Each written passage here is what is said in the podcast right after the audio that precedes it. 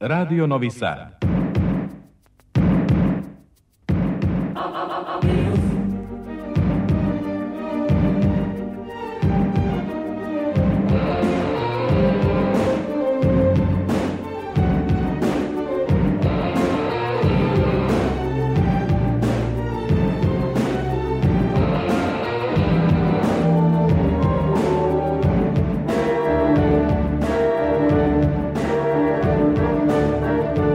Spektar.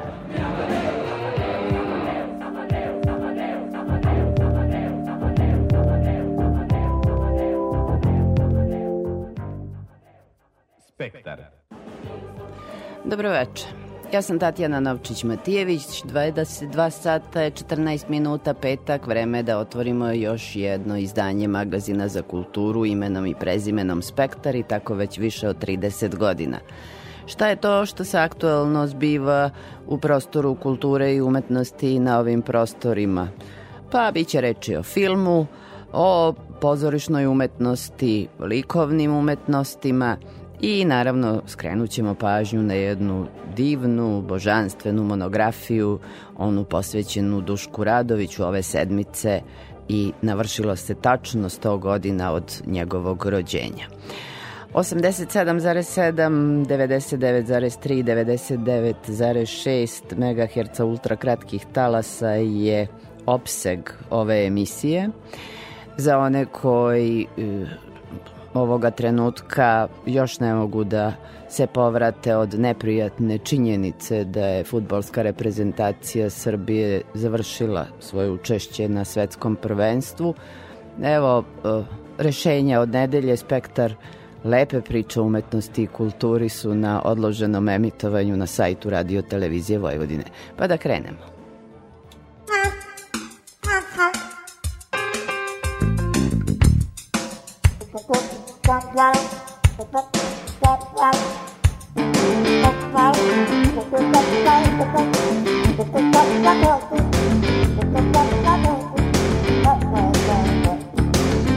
Thank you.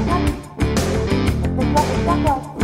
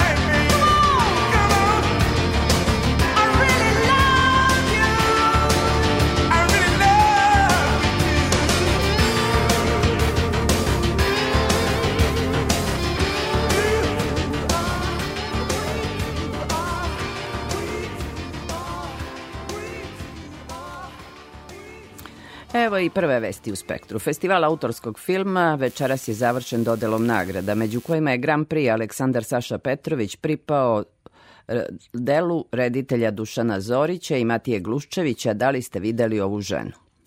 Nagrada Gordan Mihić za najbolji scenario pripala je Maniju Hagigiju za iranski film Oduzimanje, dok je najbolji reditelj Hrvat Juraj Lerotić za sigurno mjesto. U odluci žirija navodi se da su, da li znate ovu ženu i sigurno mjesto, važni za region jer predstavljaju glas nove generacije. Za najhrabriji film u Fafoj selekciji Hrabri Balkan proglašen je Pelikan, hrvatskog reditelja Filipa Herakovića, dok je posebno pomenut srpski u ramenima Tare Gajović. Nagrada profesora Vlade Petrića za najsinematičniju sekvencu u čast Slavka Vorkapića pripada francuskoj planini Tomasa Salvadora i bajci ruskog reditelja Aleksandra Sokurova. Festival, koji je počeo 25. novembra, zatvorio je film Kit, američkog reditelja, scenarista i producenta Darena Aronofskog, sa Brandonom Fraserom u glavnoj ulozi, koji je nedavno na Venecijanskom filmskom festivalu osvojio četiri nagrade. I kada smo već kod filmskih stvaralaca, Želimir Žilnik je reditelj koji o komplikovanim i teškim socijalnim temama snima filmove sa običnim ljudima, obraćajući se običnoj publici. Takav je bio i razgovor s njim priređen u Platoneumu, Novosadskom ogranku Srpske akademije nauka i umetnosti. O tome više u jednoj od narednih emisija Art Salona prvog programa radija, večeras samo detalj. Kako o dokumentarnom filmu i savremenoj kinematografiji govori mladim autorima sa kojima sarađuje na radionicama u Sloveniji. Meni je dosta važno da ih malo oslobodi mistifikacija kojih ima kad je reč o kinematografiji. E, kinematografija je uvijek predstavljena od svih tih umetnosti kao nešto što je s jedne strane komplikovano, skupo i ekskluzivno, a ja pokušavam e, da ih oslobodim u stvari e, bilo kakve frustracije i da im kažem da je najvažnije zapravo da slede E, ono što njih zanima, ono što žele da saznaju i da istraže i da u stvari e, film može da bude neverovatno dobra alatka da, da se umetnik izražava, nego i da komunicira sa ljudima i sa svetom.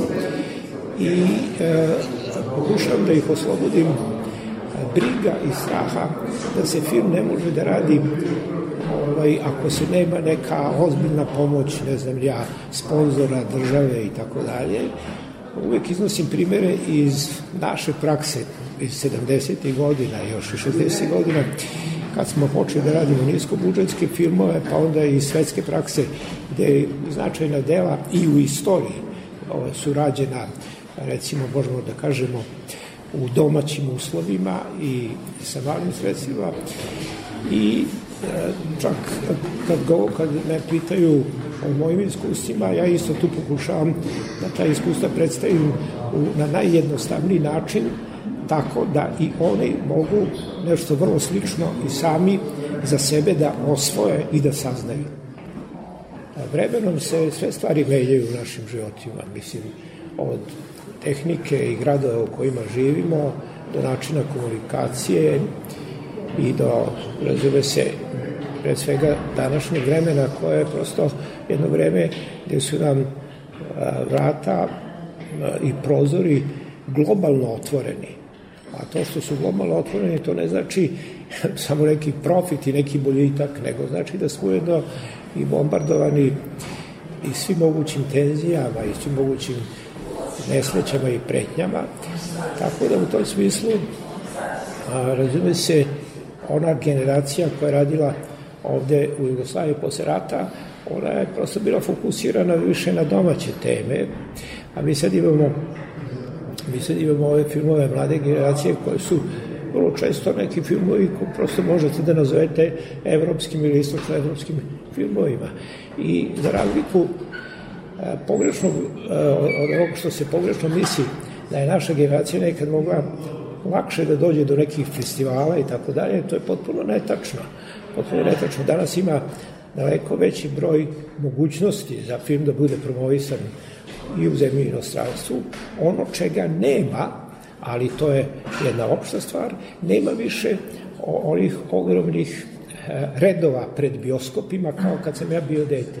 Jer nama je ono nekadašnje vreme zapravo kad nije bilo ni televizije, kad nije bilo kompjutera, kad nije bilo interneta, zapravo jedini prozor ili špijunka koja je pokazivala kako se živi širom sveta, to, su, to, to, to je bilo e, na filmskom ekranu ste mogli da vidite. Tako da, kad smo gledali, mi sad svi pričamo, gledali smo Buñuela, gledali smo, ne znam, ja, italijanski neorealizam, i sve to gledali iz umetnički razloga. Da vidimo kako se živi u Rimu, kako se živi u Milanu, kako se živi u Španiji, gde je tada Buñuel radio, kakve su priče, kakvi su ljudi, e, kakvi su uopšte, e, da kažemo, elementi svakodnevne kulture.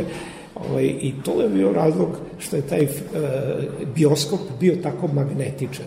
Sada, međutim, i filmove gledamo, e, razume se i kod kuće, gledamo na tabletima i na telefonima i u principu film je prisutni u našim životima 10 do 15, 20 puta ne danas, nego što je bilo pre 50, 60 godina, to je prva stvar. A druga stvar, da, današnje mogućnosti za mlade ljude da se bave filmom, kad ne moraju da zavise od filmske trake i skupi kamera i laboratorije i tako dalje, danas je mogućnost za, mladih ljude, za, za mlade ljude da izađu sa nekim svojim proizvodom pokretnih slika je, recimo, ja bih rekao, sto puta veća, sto puta veća nego što smo mi imali. Tako da, hoću da kažem, nemam ja tih nekih romantičnih hvaljenja i uzdizanja vremena kada smo mi počinjali, možda je to bilo e, i u mnogim domenima i teže vreme. Jedino što je, razume se, taj naš rad u bioskopima bio lakše primetan, jer i kad napravite kratak film, ako bioskop uzme, vi znate e, da, da će se to gledati u broju od hiljadama ljudi. A danas, danas se mladi ljudi snalaze, razume se takođe da dođu do velike publike, ali to sve ide uglavnom preko ovih novih tehnologija i interneta.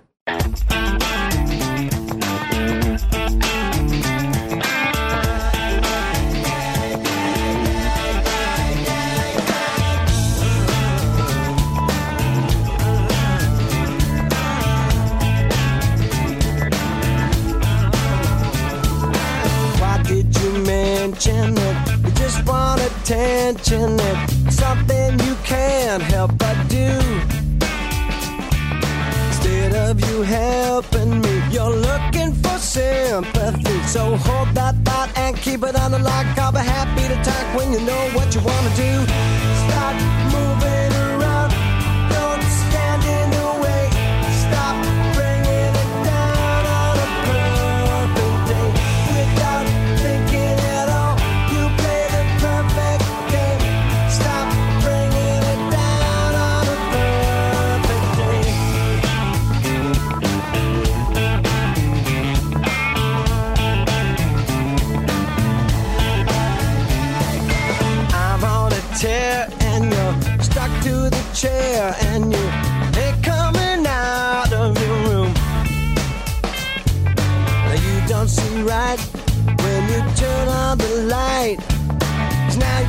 more easily the things that might come back on you. Start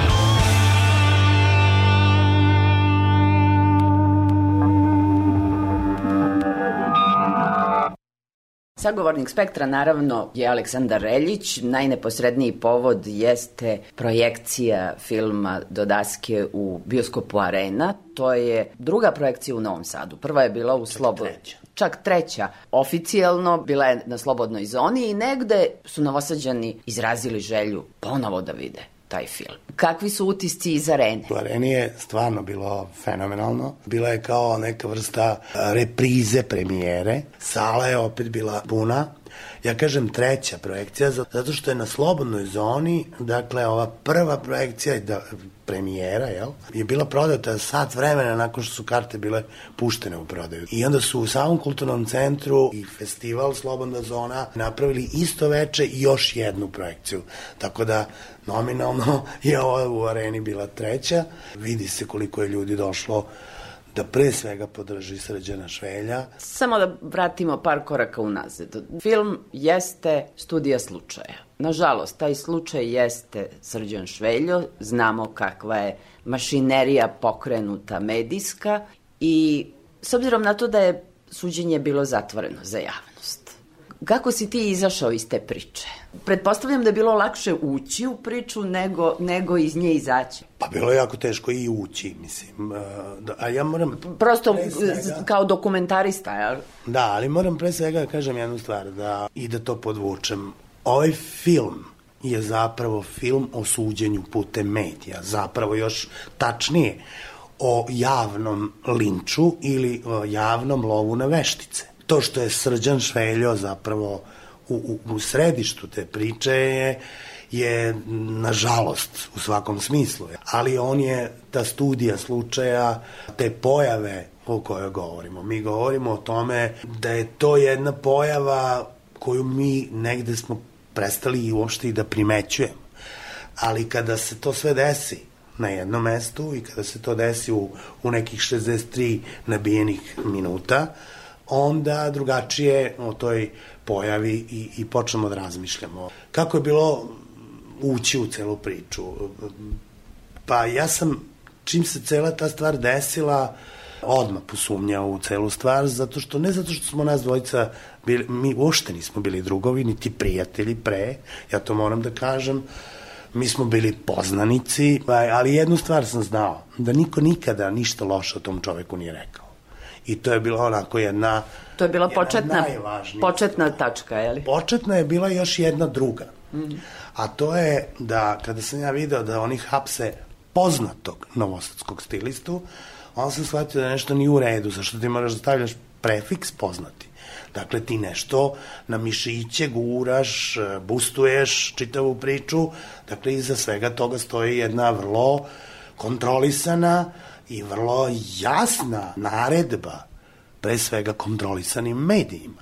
Jer mi pričamo ovde o medijima koji ušte nisu to radili zato što su neznalice ili zato što ili zato što je priroda tog medija da zapravo etički kodeks ovaj, zarezuje kao, mislim, sušljivo, sad sam se izrazio katastrofa, ali nema veze, razumete? Jasno je, ja, ja, jasno je, jasno je da poruka. Nego je to jedna vrlo kontrolisana priča, dakle to su mediji koji su definitivno instruisani bili da to rade. I oni su to naravno uradili. Sa druge strane, to nisu samo mediji, Dakle, moram da kažem da je to i sud, jer vi zatvarate suđenje za javnost zato što te svedoke proglašavate specijalno osetljivim svedocima. Niko od tih ljudi nije hteo da ga tuži. Niko od tih žrtava sebe nije smatrao žrtvom njegovog fotografisanja na kraju, a o pedofiliji da ne pričamo, o njemu se za, za da, pedofiliju za, za, zapravo, nikada nije ni da, sudilo. Da. Iako je proglašen pedofilom, monstrumom, ne znam kakvom nakazom. Da, da, da, na, najstrašnija I još se tražilo, što je još gore, 40 godina robije za njega. Sve to zajedno je bilo za mene jedna polazna osnova, da kažem. U suštini sam početak ošte nije bila ideja da napravimo film. Bila je zapravo fora da film pravimo. Niko nije celu tu srđanovu stvar posmatrao drugačije od onoga što su, što su uradili lovci na veštice. Dakle, mi smo trebali da budemo neki pokušaj balansa. I šta je bila ideja? Ajde da napravimo kao neki teaser za budući kao dokumentarni film, pa ćemo mi taj teaser da okačimo, ne znam, na YouTube, pa će to možda napraviti neki, me, neki balans u celoj stvari, naravno, ne znam šta smo mogli uopšte tu da očekujem i, i, koliko je to nešto moglo da bude Dobro, jako, i u kom trenutku je krenulo da se razvija priča? Mi smo to uradili. Mi smo tada postavili to na, na YouTube i to je bilo negde desetak dana pred izricanje presude. Šest i po godine je tražilo tužilaštvo, dakle, zatvorske kazne. Na kraju on dobio dve godine. A taj YouTube uh, vizual ili kako već, koji je ovaj, uh, uh, tad pušten, je imao za 5 dana 8000 pregleda. Slobodna zona je među prvim festivalima. Zapravo krenuo je festivalsku priču još na Rabu. Jeli? Na, Rab Film Festival uh, da. je zapravo bila svetska premijera filma, a meni je bilo to nekako jako značajno da baš vidim namerno kako će neka publika koja nikakve veze sa slučajem nema da reaguje. Ja, ja se uopšte ne bavim pričam da li je srđan nešto ili prepuštam svakom da kada pogleda film donosi sam o tome zaključak. Ja zaista ništa u tom filmu, niti sam koga, čini mi se, a mislim da ne grešim u tome jer niko to nije primetio. Ja zaista nikome nisam ubadao prste u oči. Ja zaista nikoga tamo nisam prozivao. Ja zaista tamo ništa nisam tvrdio a mislim da svako ko je pogledao film je izašao sa nekim svojim zaključkom u celoj stvari. I ono što je u jednom trenutku jedan naš kolega rekao, tvoj film je, kaže, kao aikido, svu njihovu snagu je preusmerio protiv njih. Rekoh festivali, sledeći je Merlinka, pa onda... Idemo u Crnu Goru. Mm -hmm. Idemo posred Crne Gore, da ga prikažemo. Idemo na festival o ljudskim pravima, zvani Ubrzaj. To će imati svoje tri projekcije između 12. i 15. decembra. Imaćemo projekcije u Beranama, u Podgorici i u Kotoru, mom Kotoru.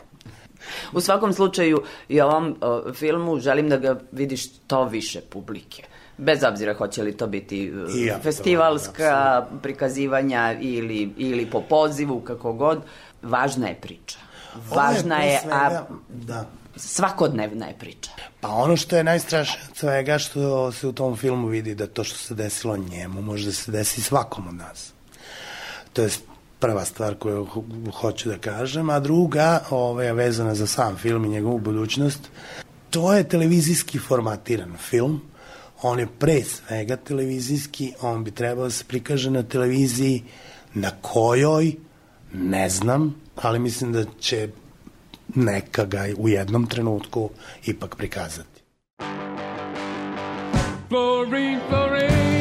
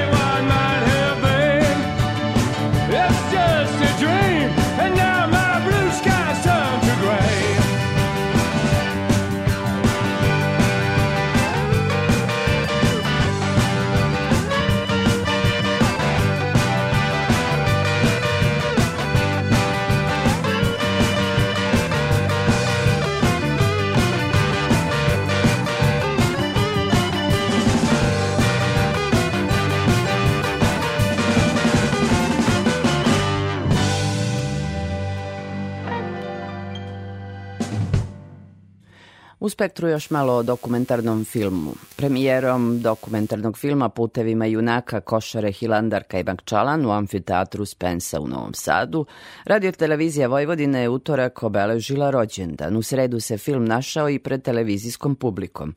Sa autorom, našim kolegom Goranom Vukčevićem, razgovarala je Ivana Maletin-Ćorilić. Koliko je trajalo snimanje i na kojim lokacijama se odvijalo? Koja je bila polazna tačka? Mi smo ovaj putopis snimili tokom tih četiri dana putovanja veterana košara na Svetu Goru, dakle u Hilandar, u ruski manastir Svetog Pantelemona i na Kajmakčalan. Naravno, pošto je polazna tačka bio Zetilnik, tamo smo se e, svi susreli, a ovo je otprilike zamišljeno kao hodočašće koje je i poklonjenje svetinjama, dakle jedno e, duhovno pokloničko putovanje, a i poklonjenje senima predaka junaka, čije su negde delo nastavili ovi junaci današnjeg e, doba, dakle naši savremenici, prosto sticajem i tragičnih okolnosti, oni su učestvovali u, u tom ratu koji se vodio na ovom prostoru i branili svoju otačbinu, Tako da, um, ako je neko sumnjao da može da se ponovi takva žrtva, to se, to se ipak desilo. A u želji da se e, takve tragične stranice više ne ispisuju, a da se sačuva otačbina, tako u tom nekom duhu molitvenom smo sve vreme putovali i to beležili na način da to bude e, zanimljivo um, televizijskom auditorijumu, da to bude pitko, da se ponešto sazna, ali opet to nije to nije ni priča o Hilandaru, ni priča o Zitilniku, ni priča o Kajmakčalanu, ni priča o košarama naravno, nego je priča o potomcima koji su nastavili delo predaka, ali nisu zaboravili na pretke i nisu zaboravili na svetinje, jer kažu ako se vodi rat koji, koji nije častan pred Bogom, onda je to sigurno pogrešna stvar. Rat je u stvari uvek zlo, ali to je krajnja neka instanca, znamo, za sve te ratnike, dakle, ako to nije sa verom u Boga i u pravdu i, i u odbranu, onda je to, onda je to zlodelo. Kakva je atmosfera vladala na tom putovanju? Sa kakvim emocijama su se veterani iz Košara suočili prilikom posete svim tim mestima? Pa meni je bilo i, i veoma prijatno i uzbudljivo. Ja sam tu bio i ulozi vodiča i organizator ovog putovanja i na molbu veterana iz Košara, pošto neke poznaje, godinama, onda su mi predložili da prvo dobiju blagoslov da poseti Hilandar, da im pomognem da upoznaju Kajmakčalan, jer niko od njih nije išao do sada tamo, ja već odlazim 9 godina na Kajmočan intenzivno, u Hilandar 32 godine i onda sam jednostavno bio tu neka vrsta i domaćina i vodiča i scenarista i reditelja, tako da sam malo bio na, na hiljadu strana, ali mislim da smo našli meru, meru za putopis. Ono što je, što je meni drago povremeno i to će videti i gledalci, je kamera zabeležila to njihovo uzbuđenje i neke stvari su se i spontano dešavale, tako da recimo doktor koji je trenutno u Hilandaru, dolaze na po 10 dana doktori i to je Hilandar već 5-6 godina kako organizuje da naši lekari borave u Hilandaru po dvojica svakih 10 dana, na taj način se upoznaju i sa Hilandarom i pomognu bratstvu u čuvanju zdravlja i ako zatreba i nekom od poklonika.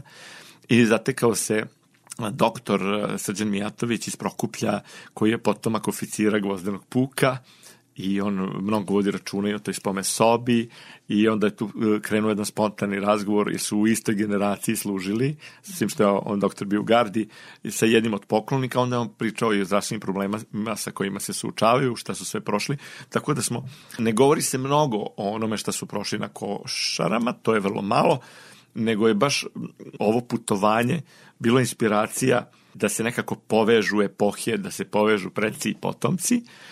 I ono što je meni posebno bilo zanimljivo, Saša Stefanović, jedan od e, veterana košara, je poneo e, na Kajmakčalan burence koje je njegov deda napravio sam na, na Solunskom frontu, jedno bure za rakiju i jedan mlin za kafu, koji je od e, čaure, koji je napravljen od topovske čaure i on je prosto želeo i dedinu legitimaciju u vojnu i je Saša negde pred kraj filma govori i držite rekvizite, te predmete od svog pradede. I tačno se oseti pustilo da mu glas drhti od uzbuđenja što su ti predmeti posle 106 godina ponovo na tom mestu i nekako se, tamo se oseti inače duh predaka i te bitke na svakom koraku. Ima, ima čaura, ima šrapnela, svaki godin sneg malo povuče pa se opet otkrije, a prošlo je 106 godina od bitke, a to je najviša tačka Kamakčan je najviša tačka na kojoj je vođena bitka u istoriji ljudskog roda. 2524 metra. E, tako da mislim da je ovaj projekat važan da podsjeti mlade naraštaje na žrtvu predaka e, i da se istorija ne sme zaboraviti i da sila treba da se jača, ali da je duhovnost najvažnija.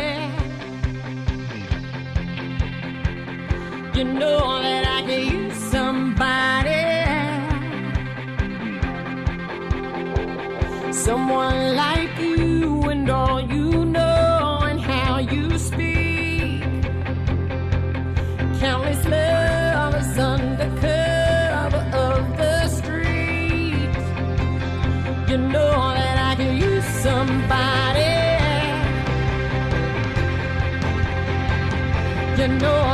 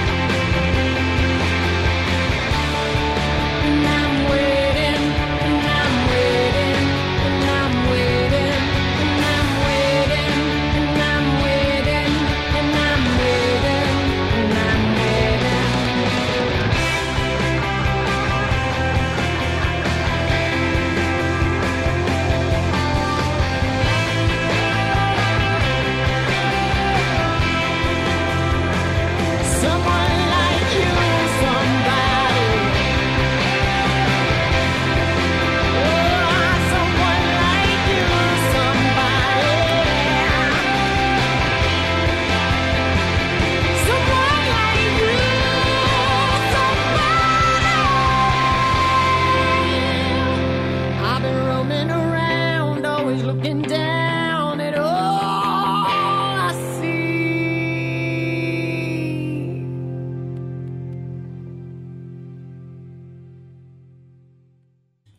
A sada u spektru malo o književnosti. Monografiju posvećenu stogodišnjici rođenja Duška Radovića priredila je Zorica Hadžić u izdanju Maskoma, koncipirajući je kao omaž pesnikovom stvaralaštvu.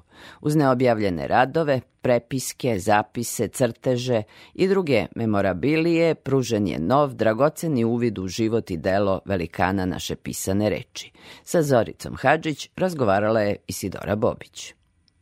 Pred vama je bio jedan nimalo lak, temeljan, ozbiljan istraživački poduhvat. Pa najpre da čujemo kako je izgledalo samo prikupljanje građe, a zatim povezivanje te građe u jednu tako monumentalnu celinu koja će nam služiti svima i našoj opštoj kulturi, opštoj informisanosti, pošto je reč o jednom tako značajnom pesniku, sa kakvim ste se susretali izazovima onim očekivanim, ali i onim neočekivanim, pošto verujem da je njih bilo.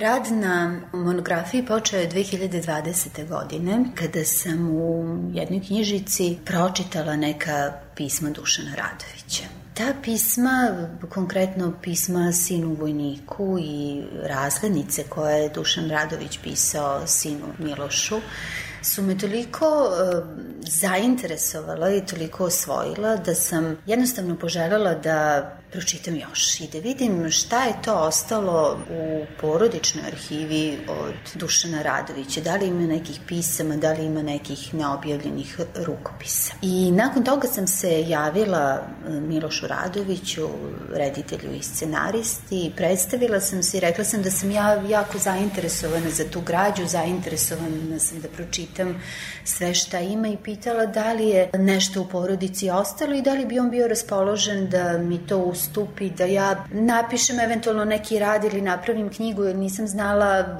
koliko je građe ostalo i da li je nešto ostalo. Miloš Radović je srećom pristao odmah na saradnju i ustupio mi je tu građu i tako je počela ova naša knjiga da raste. Pored epistolarne građe na kojoj se ova knjiga e, bazira i koja je eto, potpuno nepoznata. Tu se nalaze i neki tekstovi Dušana Radovića koji nisu bili poznati, koji su ostali zaboravljeni po časopisima. To su e, tekstovi koji imaju polemičan ton i polemičan karakter, koji otkrivaju opet jednog e, nepoznatog Radovića, vrlo oštrog i vrlo doslednog u polemikama koje je vodio i u, zapravo svoje viđenje, njegovo viđenje književnosti za koje je smatrao da bi trebalo da bude jednostavna, jasna, razumljiva i iskrena. Dakle, sve to pokupljeno, skupljeno tako na gomilu u ovoj velikoj monografiji, upotpunjeno i nečem što je poznato, dakle i delovima iz knjiga Dušana Radovića, mi smo uspeli da napravimo omaž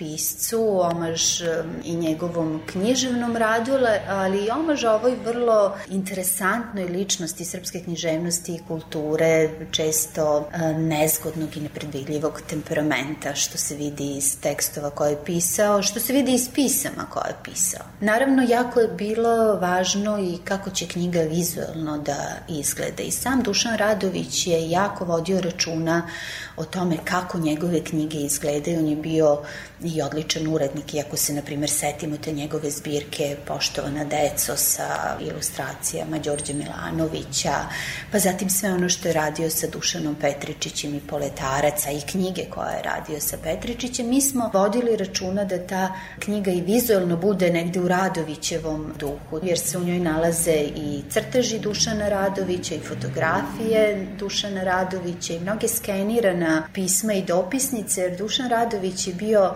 takav i vedar i razigran duh, ja ne sećam se da sam nailazila na takva pisma kod srpskih književnika gde se Dušan Radović često igrao sa slikom i tekstom, sa slikom razglednice i tekstom koji će on napisati na tu razglednicu. I zato smo smatrali da je potrebno e, doneti skeniranu građu da čitaoci to vide, a ne samo prekucano pismo, jer tu onda prekucano pismo i gubi i draž. Dakle, u tom nekom veselom ruhu, razigran izabranom uspeli smo da stvorimo mm, jednu vrlo ozbiljnu knjigu.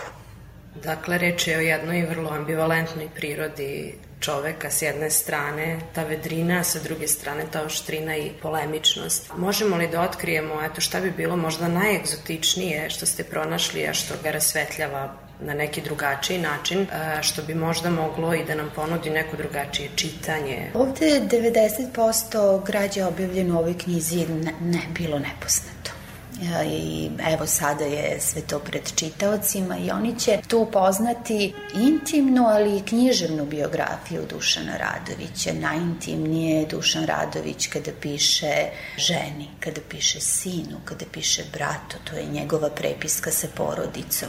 Dakle, najnežnije i najtoplija pisma o njima piše, ali opet uvek e, beži od sentimentalnosti, beži od viška reči, on je uvek...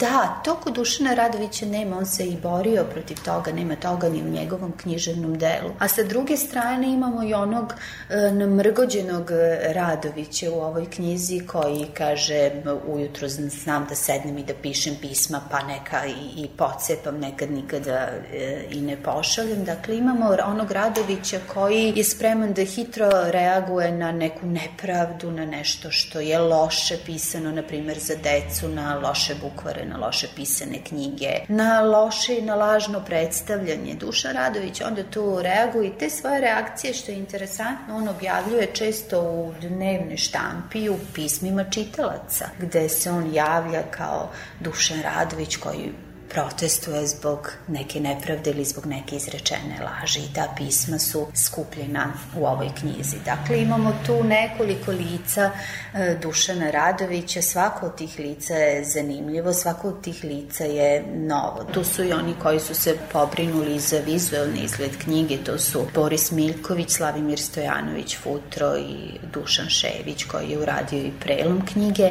a tu su i oni koji su opet e, doprineli da knjiga bude ovakva kakva je, jer knjigu otvara predgovor Matije Bečkovića. Matije Bečković je bio najbolji prijatelj Dušana Radovića i ja sam za potrebe ove knjige nekoliko puta se nalazila sa Matijom Bečkovićem, mi smo sedeli i samo smo razgovarali o Dušanu Radoviću, o njegovim ne samo anegdotama iz njihovog druženja, nego i o Radovićevom posmatranju književnosti i sve se to slilo u ovaj predgovor i Matija Bečković se u ovoj knjizi pojavljuje i kao narator, jer sam ga molila da mi objasni kontekst u kojoj je nastajala neka prepiska, da mi objasni neke Radovićeve odnose sa ličnostima e, sa kojima je bio u prepisci i onda se te izjave Matije Bečkovića su rasute po knjizi i one čitaocima pomažu da, da se probiju kroz prepisku, da... Kao neka vrsta putokaza. Kao neka vrsta, e, da, putokaza u ovoj knjizi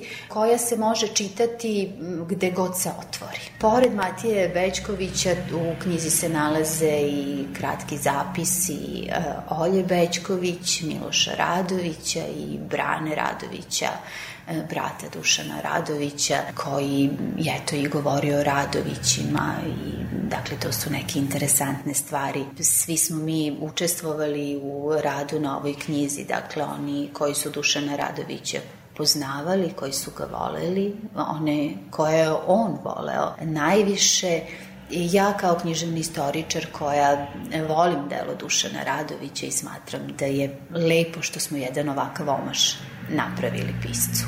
Dakle, možemo da kažemo da je reč o monografiji koja može da se čita kao roman u kojoj je Dušan Radović glavni junak. Hvala vam što ste nam priredili jednu takvu knjigu. Želimo vam mnogo sreće u njenoj recepciji, u čitanju. Hvala vam što ste govorili za Radio Novi Sad. Ja se nadam da će knjiga imati dobru recepciju. Čujemo od onih koji su pročitali da im je bila jako interesantna i zanimljiva i samo još da kažem da je knjigu objavio Masko.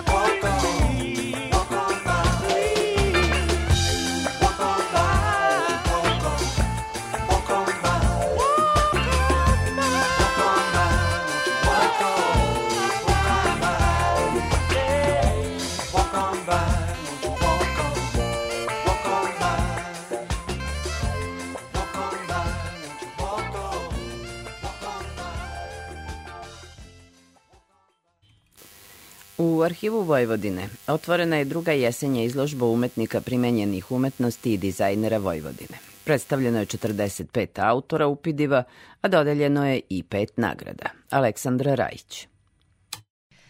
Priznanje u oblasti teorije umetnosti i dizajna dobili su Dragana Garić-Jovičić i Vladimir Mitrović za monografiju o dizajneru i dugogodišnjem profesoru na Akademiji umetnosti u Novom Sadu, Bošku Ševi, objavljenu u saradnji Akademije i Muzeja Vojvodine. Knjiga je posvećenja životu i radu jednog od pionira grafičkog dizajna kod nas, kaže autorka Dragana Garić-Jovičić. U samoj monografiji je posvećeno jedno poglavlje e, dizajnu u Vojvodini takođe, tako da se tu vidi u stvari taj neki timeline Eto, to smo pokušali isto da prikažemo jedno značajno mesto Boška Ševe koji je bio jedan od osnivača zajedno sa Branislavom Dobanovačkim katedre za dizajn i grafičko oblikovanje. Ideja same dizajnerke Gabriele Spasojević je bila knjiga koje bi se profesor radovao. Oni su pričali ti koji ga se sećaju da u stvari on bio veliki perfekcionista, da uvek tražio bolje i više, da on voleo tu kvadratnu, osnu simetričnu formu i takva je knjiga, vrlo je onako i, i intenzivnih boja kakve je on voleo, ovaj, same korice su žute i bufalno je onako upečatljiva i tako da su u stvari radovi u boji, a sve ostale intervencije dizajnerke su monokromne crno-bele jer sama dizajnerka je htela da prosto da ne bude akcenat na njenom dizajnu nego na dizajnu profesora. Nagrađeni su i grafički dizajner Dejan Ilić, keramičar Lajoš Vekonj, arhitekta Darko Babić, Ana Leda Pop u kategoriji dizajna tekstila. Grafički dizajner Čaba Nemet nagrađen je za vizuelni identitet ovogodišnje jesenje izložbe, no veliku pažnju privukla je luksuzna Biblija osam vekova srpske umetnosti u kojoj je potpisao grafičko rešenje.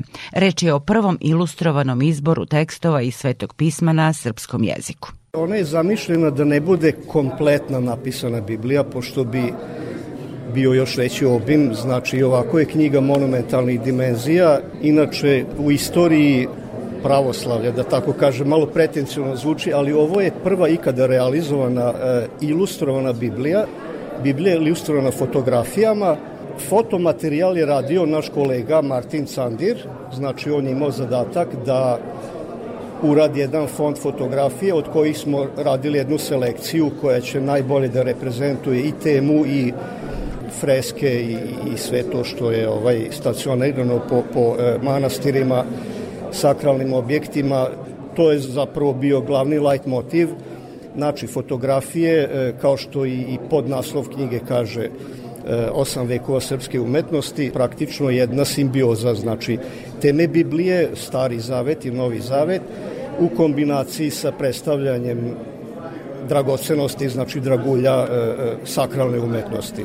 I moj zadatak je bio da napravim integraciju teksta i slika, znači da uradim e, vizualni identitet knjige, grafički dizajn i što se tiče same tehničke realizacije, moj zadatak je bio da uradim prelom Novog Zaveta. Mislim da je knjiga reprezentativna. Želeo bih još da kažem da je upravo ovih dana ulazi u štampu engleska i ruska verzija iste Biblije, koju je radila praktično ista ekipa. Sadržaj je nešto malo skraćen, tako da rezultat očekujemo sad početkom decembra, znači sve se događa isto u organizaciji u, i pod patronatom e, e, Hrama Svetog Save u Beogradu, koji su i, i izdavači knjige, Keramičarka Ana Popov izlaže na izložbama Upidiva, najbrojnijeg umetničkog udruženja u Vojvodini, već 50 godina. Isto toliko dugo i prati šta rade njene kolege. Dopada mi se doslednost mnogih, prepoznatljivost, to mi se najviše dopada i nove stvari, novi ljudi, nove stvari, ali ja mislim da sam ja najstarija. Lep je prostor, lepa je postavka, odlična je, s obzirom da ima 10 sekcija. Bilo mi je neobično. Ja, zanimljivo kad su ukazali najbrojnije keramika, ima tri autora. Je li ima dosta keramičara mladih danas? Mladih? Ne, ne, ne. Nažalost nema. Nema mnogo mladih. I ja bih jako rado da ih podstaknem i da ih učim i da im predajem i tako, ali nema mnogo. Jesenja izložba imala je svoje prvo izdanje pre dve godine pod maskama i s namerom da se umetnost i dostignuća članova tog strukovnog udruženja predstave javnosti. Održava se bijenalno kao izložba Forma koja će sledećeg novembra napuniti 58 godina.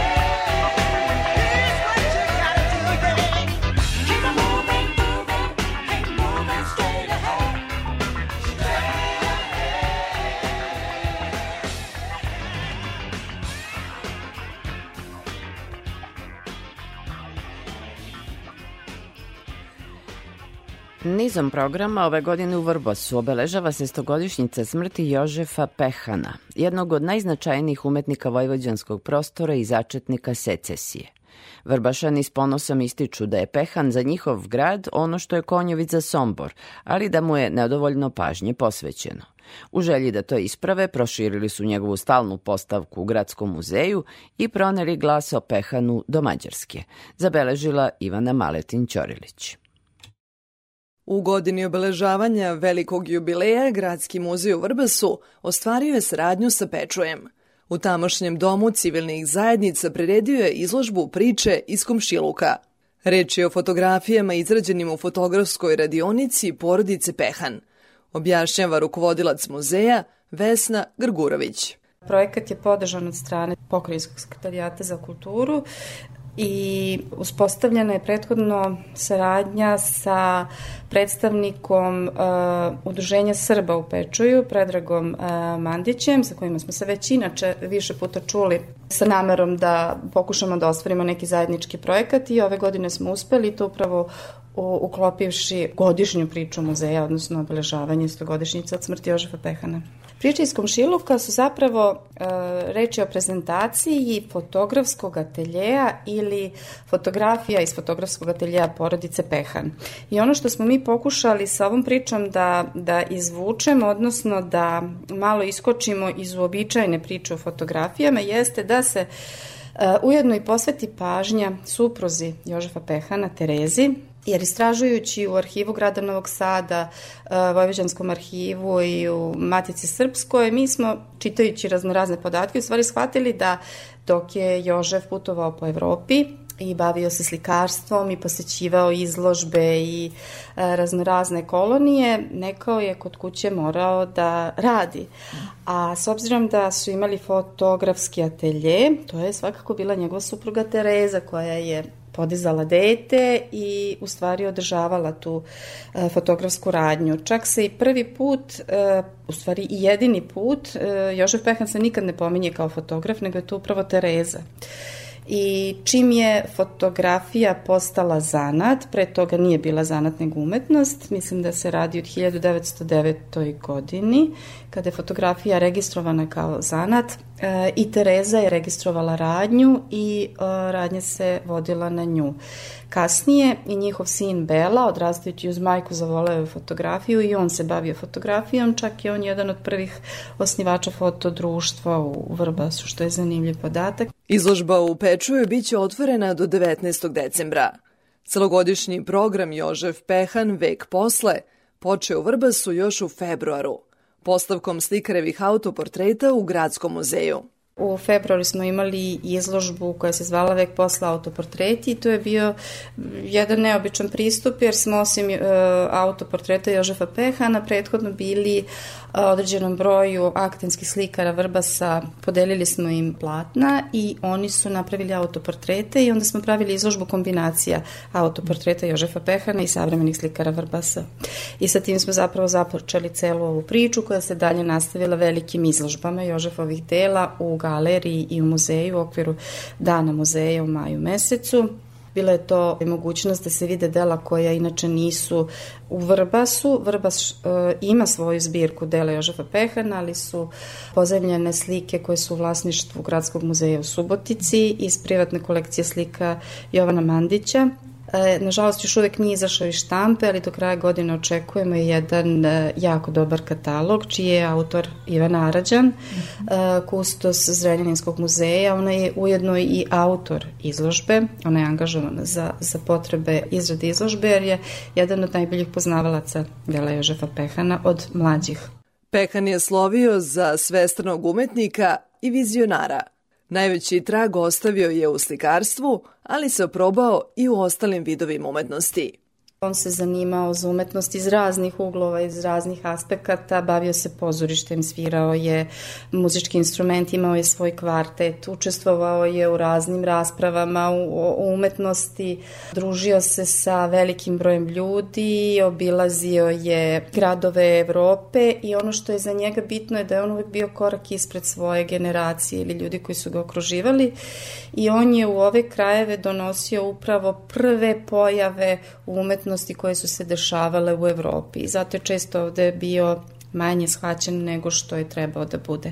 Čak ga imamo u stalnoj postavci našeg muzeja, možete videti na fotografijama prvih arheoloških iskopavanja u Vrbasu iz 1902. godine, pa je logično i da je on bio ovaj taj koji je organizovao fotografisanje.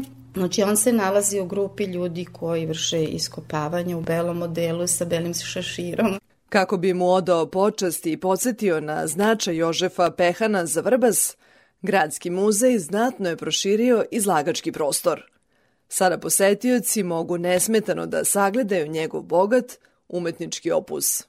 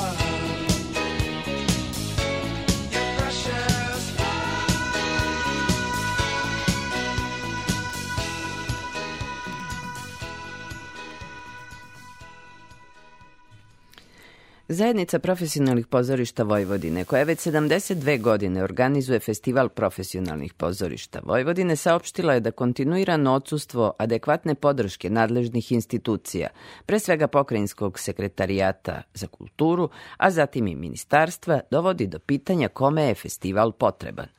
Na Festivalu profesionalnih pozorišta Vojvodine izvode se celovečernje i predstave za decu na svim jezicima nacionalnih manjina u Vojvodini, što doprinosi negovanju i očuvanju multikulturalnosti i zajedništva. Predsedništvo zajednice zato apeluje na nadležne da obrate pažnju na kulturni značaj Festivala profesionalnih pozorišta Vojvodine, koji odgovornošću, kvalitetom i važnošću zaslužuje bolje odluke. Pre svega, zaslužuje da bude potreban svima, saopštila je zajednica koja okuplja sva pokrajinska pozorišta. Osnovan daleke 1947. godine, Festival profesionalnih pozorišta Vojvodine se u kontinuitetu održava 72 godine, što ga čini najstarijim pozorišnim festivalom u regionu. Iako je festival za svoj dugi vek uspeo da preživi svako breme koje nosi određeno vreme, ova vremena su mu ipak najmanje naklonjena, navelo je predsedništvo zajednice. Novac za festival na konkursima poslednjih godina u zbiru manji od milion dinara. Dodeljivanjem minimalnih sredstava iz godine u godinu, organizatori i učesnici ulažu maksimalni napor i entuzijazam kako zbog nedostatka novca festival profesionalnih pozorišta Vojvodine ne bi bio ugušen. Zbog selekcionog i takmičarskog karaktera, pozorišta koja dobiju privilegiju i budu odabrana da nastupaju na festivalu ubrzo uvede svoju pirovu pobedu budući da ih svojih budžeta moraju da finansiraju dolazak i igranje predstave. Navela je zajednica skrećući pažnju i na to da manjak novca vodi stvaranju trajnog nezadovoljstva i u samoj zajednici profesionalnih pozorišta, zbog čega neki od članova transparentno razmatraju izlazak iz nje, čime bi bespovratno izgubila na važnosti i kredibilitetu. Sve u svemu, ukratko govoreći, Festival profesionalnih pozorišta Vojvodine je ugrožen. Premijerom predstave Galeb Pavlo Čehova u režiji Milana Neškovića e, Narodno pozorište u Somboru prošlog petka obeležilo je 140 godina postojanja. Publika koja poznaje rad Milana Neškovića navikla je na njegove inventivna tumačenja klasike. Ovoga puta oplemenio je Galeba komedijom, posebnu notu komadu daje muzika Dude Buržujke. Tim povodom sa rediteljem Milanom Neškovićem razgovarala je Ana Čupić. Kao prvo čestitam, veoma zanimljiva predstava, možda najkraći Galeb u istoriji svih postavki. Veoma inventivno, verujem da ste imali jako težak zadatak, ipak e, je ovo bila premijera povodom 140 godina pozorišta. Pa da, to je, to je uvek s jedne strane nezahvalno, zato što svi imaju neka očekivanja, mnogo veća kada je neki ogromni jubilej, a 140 godina pozorišta u Srbiji bilo kog je zaista ogroman jubilej, ali mi nismo nijednog trenutka robovali ni jubileju, ni bitnosti uh, Čehovljevog komada koji je neosporno jedan od dva najveća komada ikada napisana uz Šekspirovog Hamleta i najizvođenijih izvođenih komada. Te mi smo imali jedino dužnost prema samom e, sebi i prema tradiciji ovog pozorišta da je nastavimo i nadam se, čak sam siguran da smo je, da smo je uspešno, uspešno nastavili. Ono što je veoma interesantno je da ste vi jedan od redkih koji se zapravo pozabavio pod naslovom koji je Čehov napisao, a to je komedija u četiri čina. Da, ja zaista od uvek, i čak sam pisao u programskoj knjižici to da sam ja možda najviše zahvalan svojim studentima, jer sam sa prethodne tri generacije na akademiji gde predajem uvek radio i na svakoj akademiji se uvek radi, istražuju, e, istražuje Čehov I kroz to istraživanje u stvari sam shvatio i to mi je bila najbolja literatura, rad sa studentima, gde se u stvari nalazi komično u svim tim tragičnim situacijama. I suština jeste da žanr ne živi u glavi, ne živi na sceni, nego živi u glavi gledaoca. To što je tragična situacija između dvoje ljudi na sceni ne znači da ona meni nije duhovita.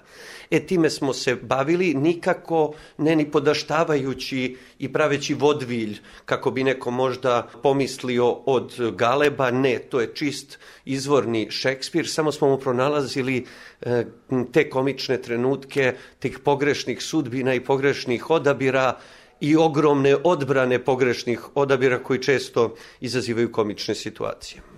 Priča je ispričana iz mašinog ugla i ono što neverovatno doprinosi celoj priči je zapravo ta muzika i ti tekstovi satirični koji se uklapaju uz situacije koje je Čehov napisao.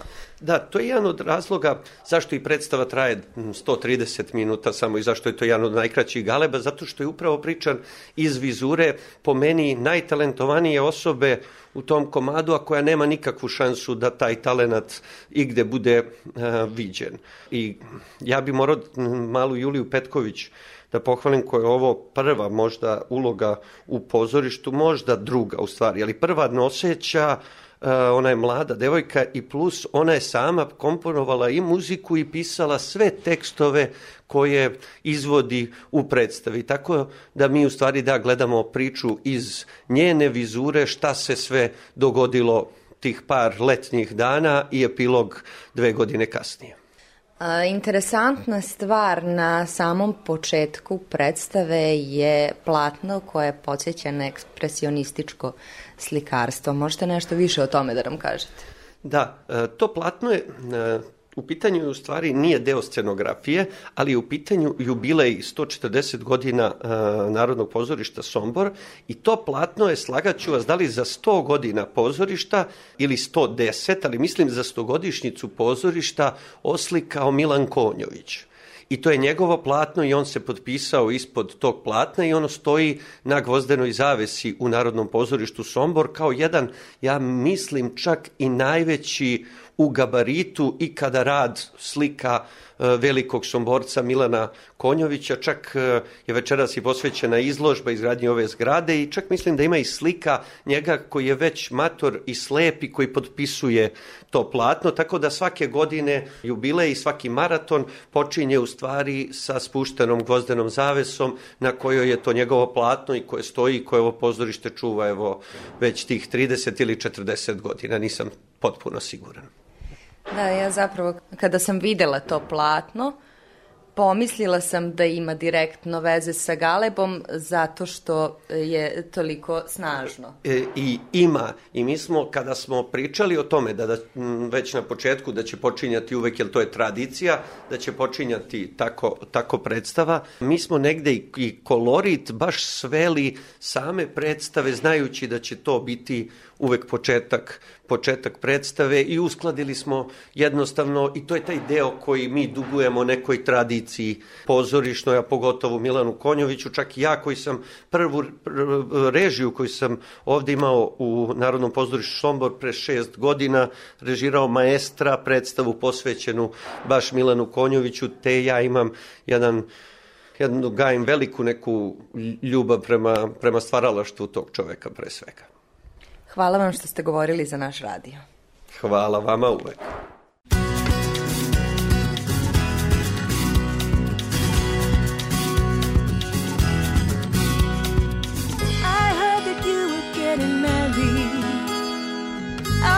knew that you'd do well. You're legendary beauty from our small provincial town. Locals joined a late to important families. A glorious occasion, a foretold destiny.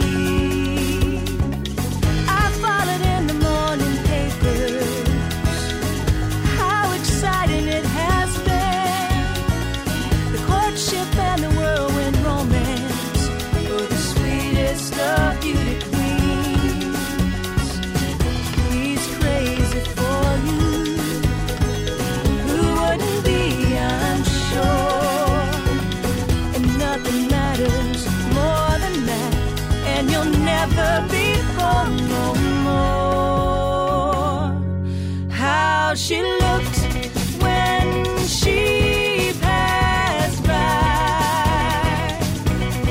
How she looked when she passed by. I feel like I'm watching history living before my eyes.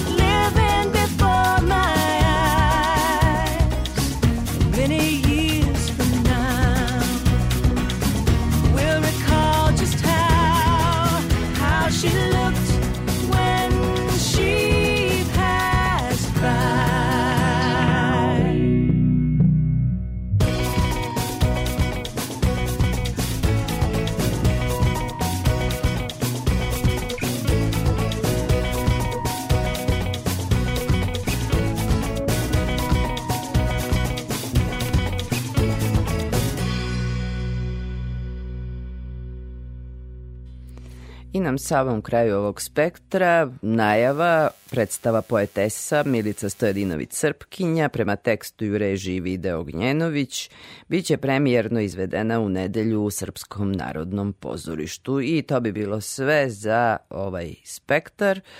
Podsećam vas, utorak u Arcalonu sagovornik je Želimir Žilnik, a narednog petka nove priče o kulturi i umetnosti na ovim prostorima od 22 sata i 10 minuta. Laku noć i dobre snove želim vam Tatjana Novčić-Matijević. Do slušanja.